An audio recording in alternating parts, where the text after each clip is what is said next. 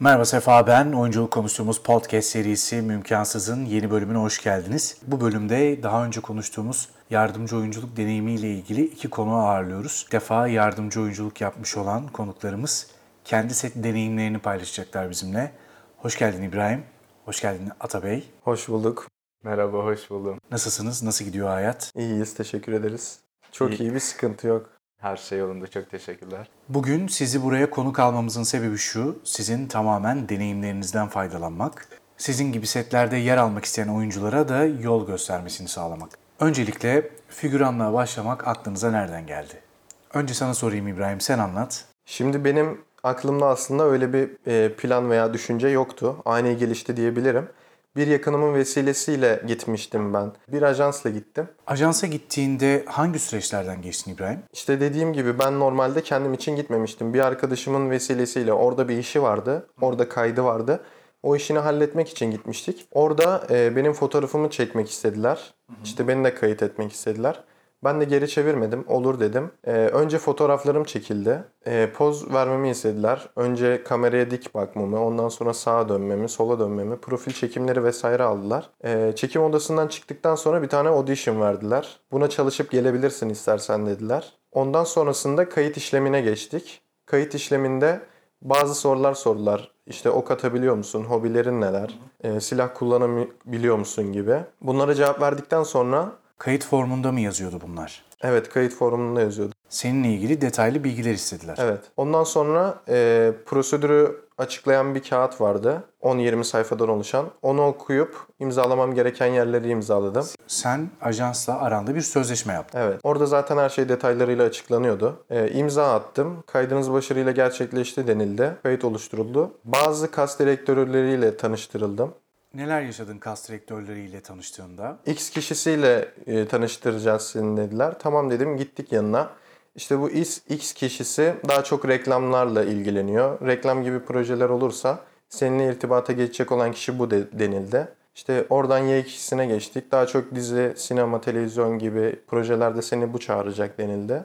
Ajansa kayıt olduktan sonra ne kadar süre sonra telefonun çaldı? Aslında e, ben daha erken bekliyordum. Fakat iki hafta gibi bir süre sonra telefonum çaldı. İşte böyle böyle bir projemiz var. Gelmek ister misiniz, yer almak ister misiniz gibi. O süreçte o gün söyledikleri gün müsait olmadığım için geri çevirmek zorunda kaldım. İlk başta kafamda bir soru işareti vardı işte. Ee, hani ilk gelen iş bana sonuçta. Bunu geri çevirirsem bunun bir ilk gelen iş olduğu için bunu geri çevirirsem devamı olmayacağını sandım. Onun için biraz üzülmüştüm açıkçası müsait olmadığım için. Umudumu kesmiştim diyebilirim yani. Ve ilk set deneyimi için seni arayan sorumlu ne dedi telefonda sana? Evet, telefon geldi. Merhaba İbrahim, nasılsın? İyiyim, teşekkür ederim dedim. E, böyle böyle bir proje var. E, şu tarihte çekilecek. Nerede yayınlanacağını sordum ben ilk başta. Bu bir internet platformunda yayınlanacak denildi bana. Tamam dedim, gelebilirim, uygunum. Tamam dedi, seni şimdi kapatıyorum. İsmini yazdım. Biraz sonra başka birisi arayacak, gerekli bilgileri verecek sana dedi. Tamam dedim, kapattım telefonu. Daha sonra mesaj geldi. E, mesajda projenin ne olduğu, e, ne zaman çekileceği, toplanma saati, toplanma yeri, çekileceği alan, ne gibi kıyafetler getirmem gerektiği bütün detaylarıyla yazıyordu. Okudum hepsini, e, hazırlıklarımı yaptım.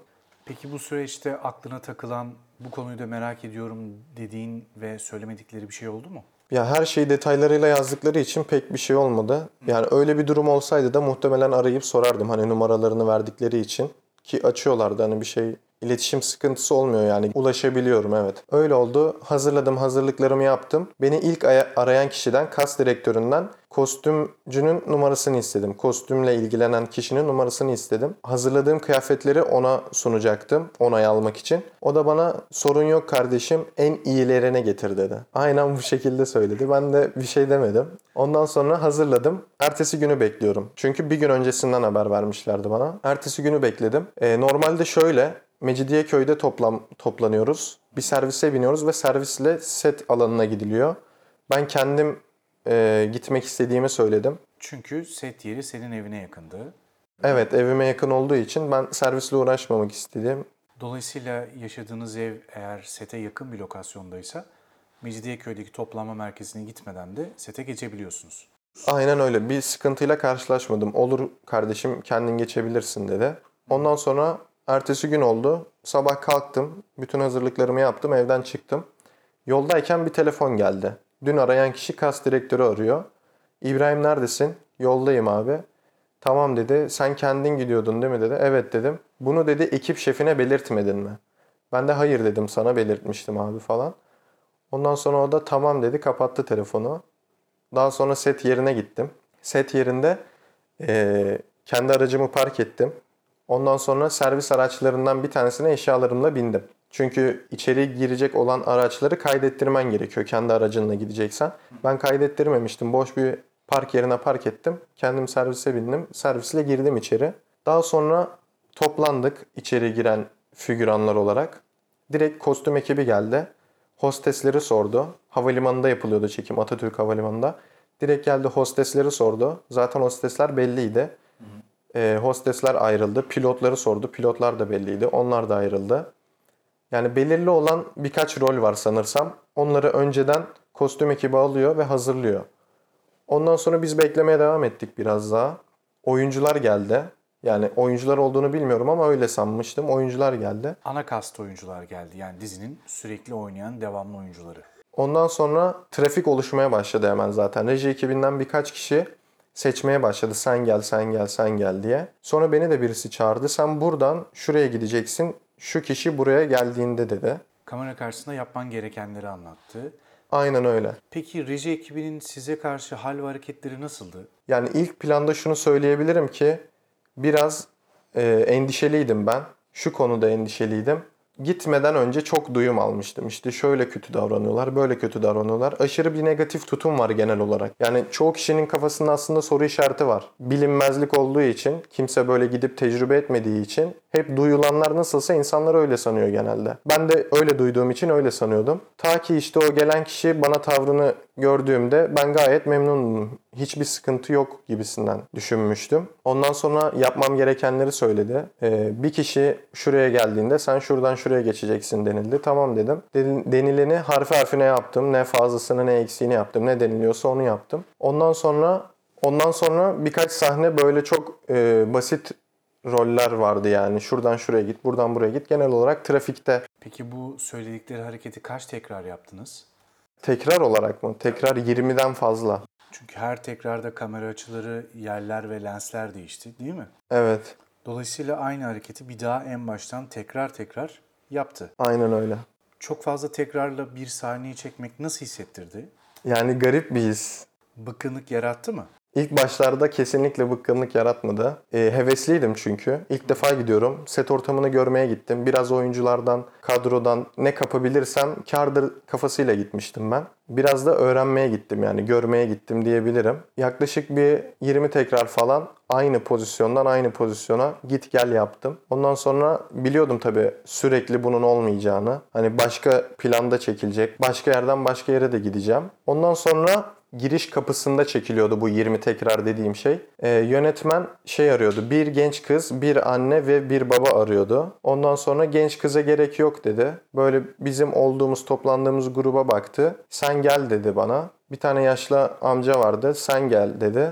Bir de yaşlı abla vardı. "S- Siz de gelin abla dedi. Üçümüze dedi ki siz böyle böyle e, sen dedi İbrahim yurt dışından gelen bir öğrencisin. Ailenle kavuşuyorsun. Uzun zaman sonra ilk defa görüşüyorsunuz. Bunu dedi sizden yansıtmanızı bekliyoruz kameraya. Buradan böyle geleceksin. 2-3 saniye sonra ailenin yanına gideceksin. Önce babanın elini öpeceksin. Sonra annene sarılacaksın. Buydu yani genel olarak bunu yapmamı söyledi. Sahneyi anlattı size detaylı bir şekilde. Aynen öyle. Sahnede şöyleydi. Ben e, ana oyuncuyla, başrol oyuncusu diye tahmin ediyorum. Başrol oyuncusuyla aynı anda kapıdan çıkıyorum. Ailemle kavuşuyorum. Sanırsam tam emin değilim. Kameranın arkasında direkt arka planda ben gözüküyorum. Ondan sonra ailemle kavuşup yoluma devam ediyorum. Bunu bir 6-7 kere falan çektik. Daha sonra bu çekimin yakından yakın plan alındı. Yakın çekim alındı. Yine tekrar aynı şekilde aynı hareketi yani kavuşma hareketini yaptınız değil mi? Evet. Yani ben yaptım. Diğer figüranlar sadece trafiği yapıyordu. Yani yakın çekimde de trafik devam ediyor aslında. Bunu ben de garipsemiştim ilk başta. Bunun şeyden dolayı olacağını düşünüyorum mesela. Oyuncunun moda girebilmesi için, hani gerçekten duyguyu yansıtabilmek için arkada bir planın olması lazım çünkü. Atmosferi yaratan aslında figüran. Aynen öyle. Yani büyük bir payı var sonuçta bu atmosferi oluşturmakta dediğin gibi Sefa abi. Tabii ki figüran o sahne için çok önemli. Atmosferin yaratılmasındaki en büyük destekçi kuvvet. Peki e, bu sahneler için ne kadar bekledin sette? Kaç saat bekledin? Şimdi en baştan alayım. Oturduğum sahneyi anlatıyorum.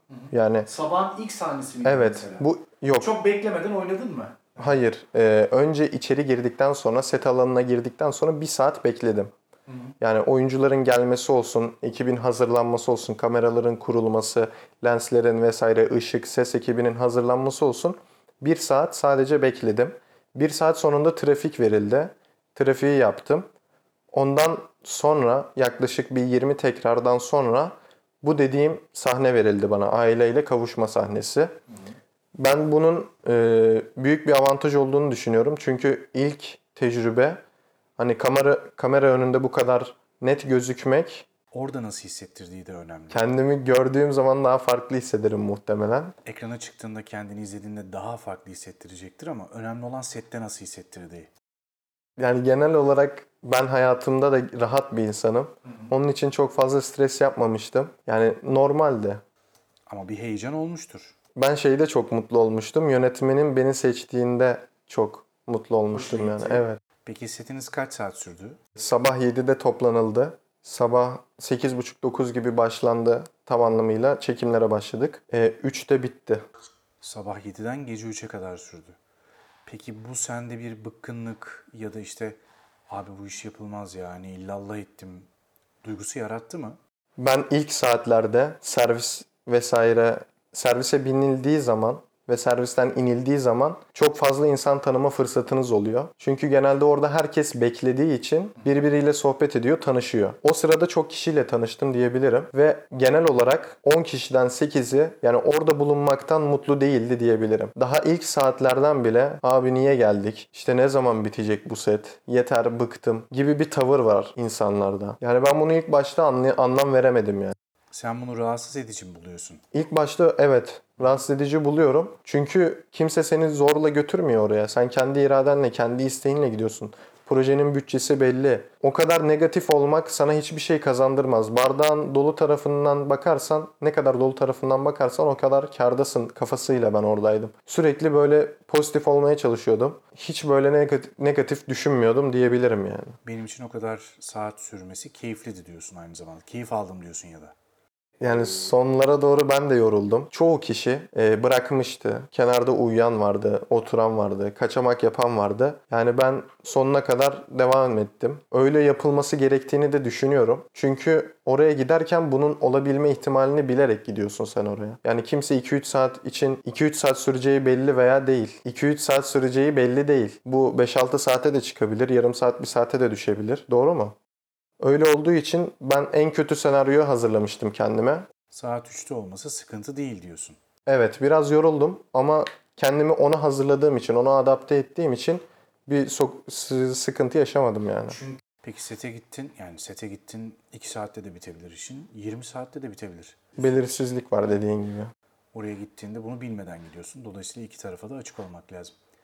Peki seni biraz dinlendirelim. Atabey'e dönelim. Atabey ile konuşalım. Bana önce mesaj olarak attılar. Ben mesaja hani dönüş yaptım. Evet Atabey, sen e, ilk set deneyimini bizimle paylaşır mısın? Alev Alev dizisi için hani yarın bir çekim var. Bunun için uygun göründü, görüldü. Hani gelmek ister misin tarzında bir mesajdı. Ben de o, orada bulunan numaraya mesaj attım. O da tamam dedi. Sonra ardından beni aradılar. Ehliyetin var mı? Neden ehliyetin var mı diye sordular sana. Eğer biliyorsan ve ehliyetin varsa motor kullanabildiğin için seni o role seçecekler değil mi? Motorcu kurye rolünde gidecektim. Hani motor ehliyetini sordular. Kullanmayı biliyor musun? Hani sonra evet dedim. Bunların hepsini dile getirdim ve beni birkaç saat sonra kostümcü aradı. Kostümcü hani nasıl kıyafetler getirmem gerektiğini söylediler bana. Ondan sonra ben onlara tamam dedim. Birkaç tane fotoğraf attım. Akşam eve gittiğimde siyah kot, hani üstümde çok renkli olmayan yine kazak tarzı bir şey ve monttu. Kabul ettim. Hepsini fotoğrafını attım. Tamam dedi. Bu kostümler çok iyi. Hiç değiştirmene gerek yok. Direkt bu şekilde gelebilirsin diye. Ben de tamam dedim. O şekilde gittim. Nerede toplandın? Sabah Mecidiyeköy'e gittik. Saat 7 diye mesaj attılar. Bir saat geçti 8 diye mesaj attılar. Ondan sonra 9'a kadar çektiler ve bu zaman dilimi de akşam oluyor. Hani gece 12'ye gelmeden önce 7'de başladılar 8 9'a kadar ertelediler. Mecidiyeköy'e gittim. 9'da ben oradaydım. İşte yarım saat diğer figüranlar falan beklendi. Ondan sonra herkes toplandı. Servise bindik Darıca'ya kadar. Darıca'ya gittiniz. Darıca'ya git. Daha önceki post- podcast'inizde de söylemiştiniz. Hani erken toplanıyoruz. Sabahın erken saatlerinde servisçinin açtığı müzikleri. Ya biraz böyle oyun havası karışık. Birazcık böyle ortaya karışık yüklemişti. Yani adam her türlü şeyden çalıyordu. İçinden bayağı kızdın herhalde. Evet biraz bir de şu şekilde serviste herkes uyku modundaydı. Böyle çok soğuk bir ortam vardı. Hani diğer setlere göre nasıl bilmiyorum ama benim gittiğim sette biraz böyle hani modsuz bir figüran ekibiydi. Bir de bildiğim kadarıyla tek rol olarak giden bendim. Yani motorcu olarak giden bendim. Diğerlerinin görevleri de orada verildi. Sabah gittik. Korona testi falan yapıldı bize. Korona testinden sonra negatif, pozitif olanlar işte şey yaptı. Pozitif çıkmadı zaten. Negatifleri bir yere aldılar. Ondan sonra kostümü olmayanlara kostüm verildi. Ben çok uzun bir zaman dilimi bekledim. Peki bu sette 5 saat bekleme sürecinde neler yaptın? Nasıl geçirdin o süreci? O 5 saat gerçekten geçmek bilmedi. Hani bir de hava biraz soğuktu. Bekleyecek bir alan zaten yok. Servisimiz var bizim. Onun dışında oyuncular için bir karavan var. Karavanda ya da kostüm arabalarında falan. Onlar çok rahatlar. Biz daha böyle biraz arka plandaydık. Kendi kendime vakit geçirdim. Telefonla oyun oynadım. Arada bir prodüksiyondaki abiler, ablalar onlarla sohbet etmeye gittim. Ne bileyim çay kahve ikramı vardı. Oradan yararlandım.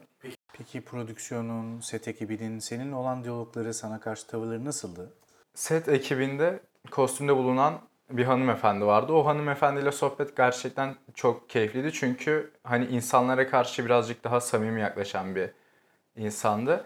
Birçok insan öyleydi benim gittiğim sette. Diğerleri de işin stresinden dolayı birazcık daha stresliydi. Çok fazla figüranlarla konuşmuyorlardı. Hatta bazıları hiç etrafla muhatap olmayıp sadece oyuncuyla muhatap olan tiplerdi. Saygısızlık yapan, hakaret eden veya farklı davranan oldu mu hiç sette? Yok hayır. Set de öyle olmadı. bir set Çok güzel bir sete denk gelmiştim. Süper. Peki o 5 saat bekleme süreci bittikten sonra neler oldu? Ben biraz umutsuzluğa kapılmıştım. Hani belki sahne çekilmeyecek. Çünkü hava yani geç olmaya başlamıştı. Sabah için gidiyorsun. Öğlen olmuş ya da ne bileyim akşama geliyor artık.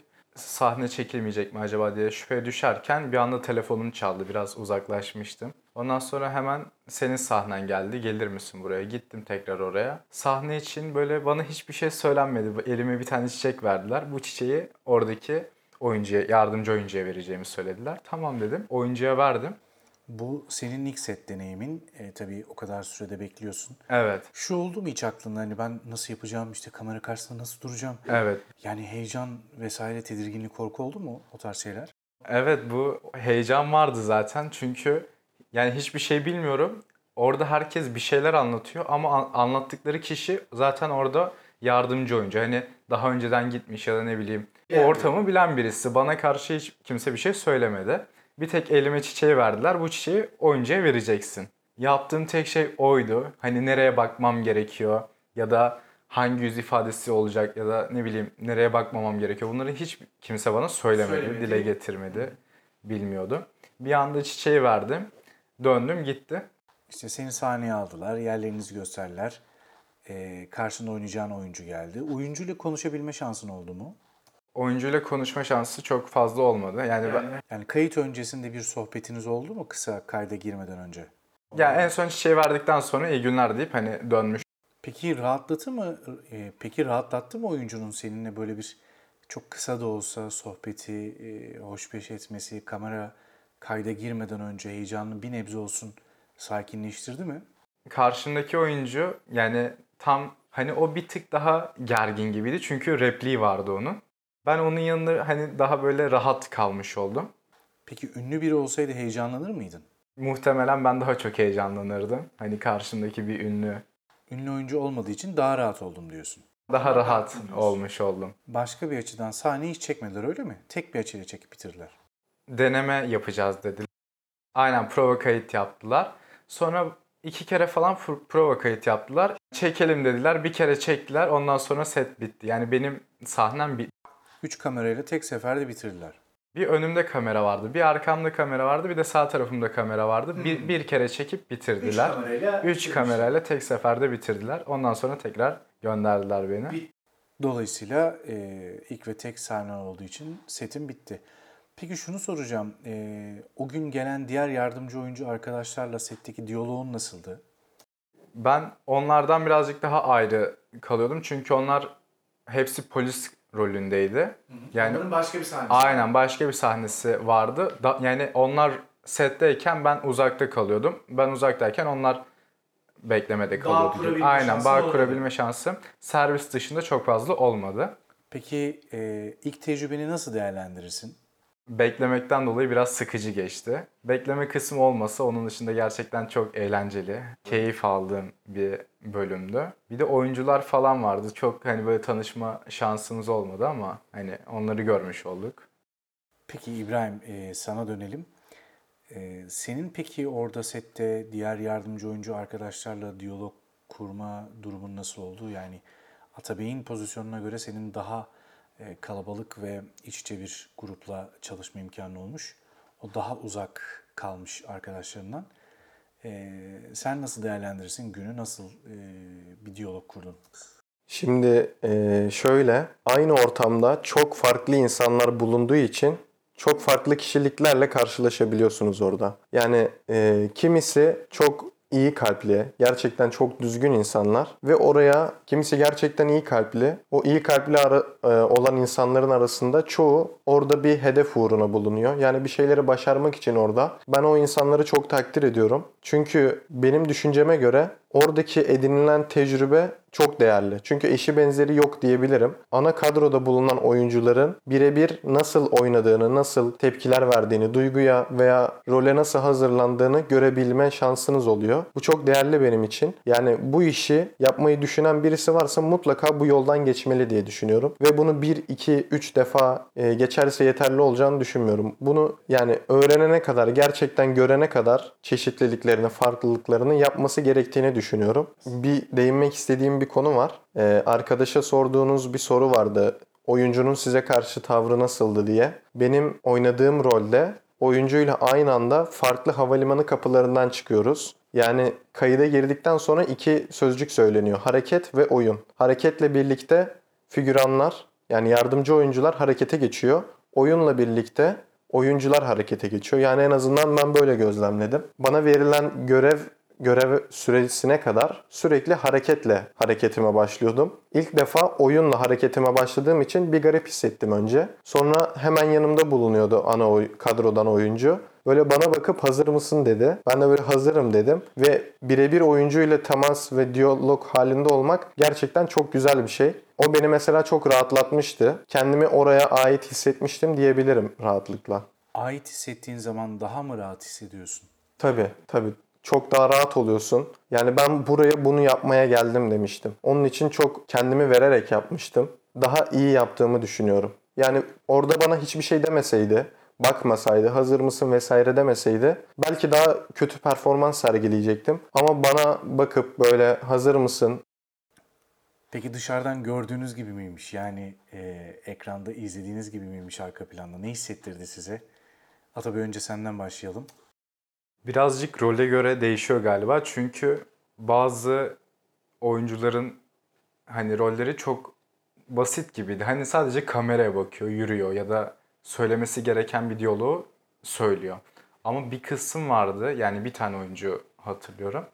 Çok böyle moda girmişti. Kavga çıkartıyordu. Böyle polisler onu taşımaya çalışıyordu. Hani gerçekten çok büyük efor sarf etmişti.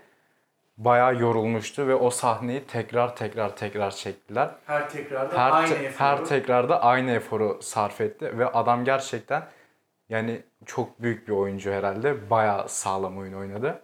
Hani en son hatta yönetmen şöyle söylemişti. Şimdi dedi bu kadar yoğun tepki yani yoğun oynamana gerek yok çünkü sadece arka kareleri alacağım Evet ses bile çıkartmana gerek yok. Diğer çektiklerimden bağlayacağım vesaire yapmıştı. Adamın o kadar yüksek performansına rağmen bazen figüranlardan dolayı tekrar çekildi. Bir şeyler yapıldı. Aslında figüranın orada görevinin ne kadar önemli olduğunu görüyoruz değil mi? Çünkü figüran da yerinde ve doğru hareketi yaparsa ve doğru oynarsa o kadar iyi oynayan ve efor gerektiren bir performans sahnesinde e, ana kadrodaki oyuncunun da performansını hiç etmemiş olur. Evet ya işte o adamın hani oyunu gerçekten çok yorucu gelmişti. Onun dışında zaten biz hep bekliyorduk. Dedim ki iyi ki biz bekliyoruz. Yani adamın yerinde olup bir de figüranlar yüzünden belki oyun bozmak vardı.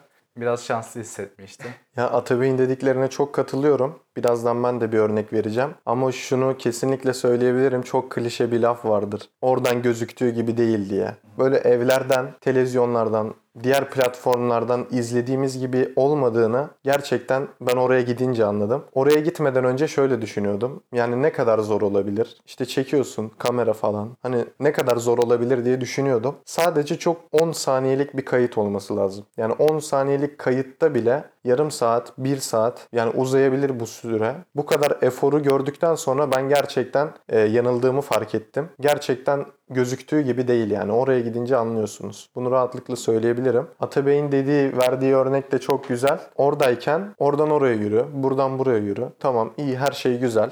Bir sıkıntı yok. Ama çok söylenen insanları da görüyordum mesela. Of ne zaman bitecek? Bitse de evimize gitsek. İşte şöyle falan diye. Sonra bir sahne geldi. O ana oyuncunun, ana başrol oyuncusunun düşme sahnesi. Ee, ben bunu 1-2 tekrarda bitireceklerini düşünüyordum. Ee, düştü bir kere. Bir kere daha düştü. 2, 3, 4, 5, 6. Yani bu tekrar artmaya başladıktan sonra ben şunu düşünmeye başladım. Yani benim halim şu an ondan iyi diye düşündüm yani. Onun yerinde ben olsaydım.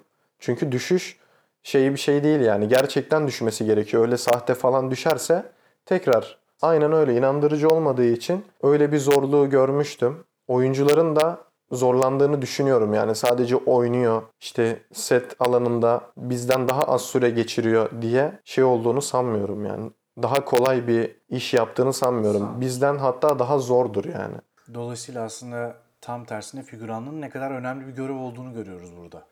Peki o zaman biraz da e, sette komik olarak neler yaşadınız? Komik anılarınız olmuştur mutlaka. E, biraz onlardan bahsedin. Neler yaşadınız bakalım. Biraz figüranlar arasında olmuştu. Hani servis ekibinin bir tane yani servisçinin bir tane yakın arkadaşı gelmişti. Bizi yani ortamı görmek için merak etmiş. Onu çağırmışlardı. Kostüm ekibi de figüranların hepsine polis kıyafeti giydirmişti. O adam da o fırsatı değerlendirip TikTok çekmişti. Hani çok garipsemiştim uzaktan. Onlar TikTok çekiyordu. Yani şaşırmıştım. Senin var mı İbrahim? Bana komik gelen şöyle bir olay yaşamıştım ben. Ee, dediğim gibi çok fazla insanla tanıştım.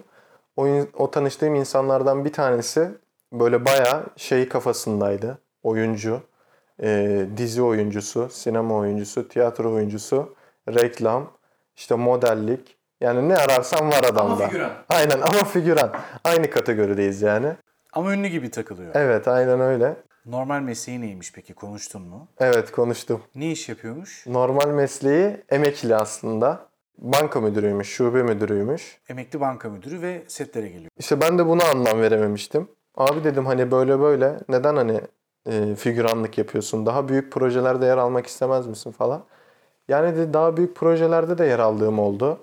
Ney dedim abi? İşte dedi doktorlarda arkada yürüyordum mesela falan dedi. Daha büyük projelerde de oynadım diyor. Öyle falan herhalde ben de anlamadım. Yani garip bir insandı açıkçası. Daha önce tanı tanışmadığım bir tipte bir insandı. Ondan sonra numaran var mı falan dedi. Var abi dedim. İşte hayırdır ne oldu falan.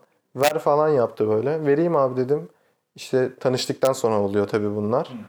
Ondan sonra konuşalım, görüşelim falan yaptı. Görüşelim abi problem değil falan yaptım. Böyle samimi bir sohbet oldu. Sana iş ayarlamamı ister misin falan dedi.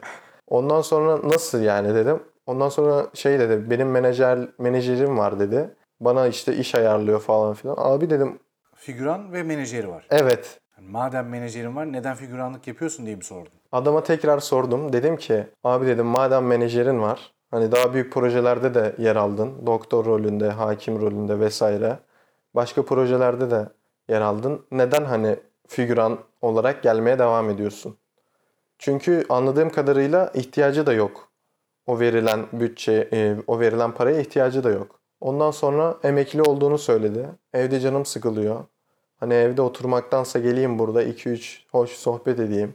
Zaman geçsin diye geliyorum demişti. Ondan sonra Instagram'dan falan takipleştik.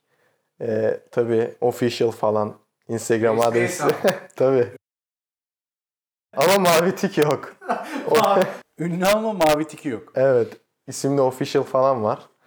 Ee, resim falan çekilmek istemişti. Resim çekildik. Onu Kendisi mi çekildi? Evet. İstedi. evet benimle resim, resim çekilmek senin istemişti. ünlüyle çekilmek istemen lazım. Ondan sonra onu falan paylaşmış böyle. Şaşırmıştım. Komiğime gitmişti yani. Peki eee, ilk yardımcı oyunculuk deneyiminizi genel olarak nasıl değerlendirirsiniz? İlk sana sorayım Ata Bey. Abi şimdi şu şekilde beklemeyi hani gerçekten göz ardı edebilirsek çok keyifli, çok zevkli. Hani zaman geçiyor. Ama bekleme kısmı benim için birazcık sıkıcıydı.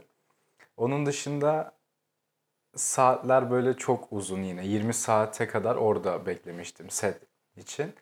Tekrar gitmek istiyorum evet ama hani biraz şüphe oluyor. Yani yine sıkılırsam, yine böyle olursa o bekleme kısmı biraz tuhaf geliyor. O da hani göz ardı edilebilecek bir Peki sen bu konuda eee, ne söylemek istersin İbrahim? İster bu işe hevesli ilgili olun, ister bu işe hevesli ilgili olmayın. Mutlaka ya- yaşanması gereken bir tecrübe olarak görüyorum bunu. Ee, çünkü orada kazanabileceğiniz şeyleri başka yerde kazanamayabilirsiniz. Peki hayatı boyunca sinema televizyon üzerine eee, bir şey yapmamış ya da burayla alakalı bir şey yapmak istemeyen insan niye eee, yapmalı bunu? Yani buna da bir örnekle cevap vermek istiyorum. Orada mesela reji ekibinden birisi sana burada ikiniz durun ve sohbet edin dese bile orada set o sahne 2 saatte çekiliyorsa o 2 saatte karşındaki kişiyle birbirine hayat hikayeni döküyorsun yani. Hani o karşındaki kişiden bile bir şeyler kazanabiliyorsun. E, evde oturmaktansa yani işin yoksa e, başka bir şeyle uğraşmıyorsan buna mutlaka gitmelisin diye düşünüyorum. Çevre edinmek, insanlarla diyaloğa girmek gibi şeyler için öneriyorsun. Peki sana kazandırdıkları neler oldu bu set deneyiminin? Ee, genel olarak benim aklımda set ortamı oluştu. Ee, insanların nasıl davrandığını görmüş oldum figüranlara, yardımcı oyunculara veya normal oyunculara. Peki İbrahim sen hangi projeye gittin? Öğrenci evine gittim ben. Peki sen Ata Bey? Ben Alev Alev dizisine gittim. Yeni dizi. Peki son olarak söylemek istediğin bir şey var mı Ata Bey? Ben prodüksiyon ekibine teşekkür etmek istiyorum. Çünkü benim beklediğim zaman diliminde hani biraz hava soğuktu ve orada da figüranlar için bekleme alanı yoktu. Serviste de benzin sıkıntısı, yakıt sıkıntısı vardı. Hani farklı yerlere gidiyordu. Tam sette durmuyordu. Kalorifer açmıyorlardı ve serviste başka bir yerdeydi yani. Oradan pro- prodüksiyondan bir tane abi kendi arabasını bana vermişti. Hani geç burada otur, bekle, kaloriferini aç vesaire. Çok da güzel yapmış. Biz teşekkür ederiz kendisine. O şekilde çok samimi bir ortam olmuştu. Ona teşekkür etmek isterim. Peki.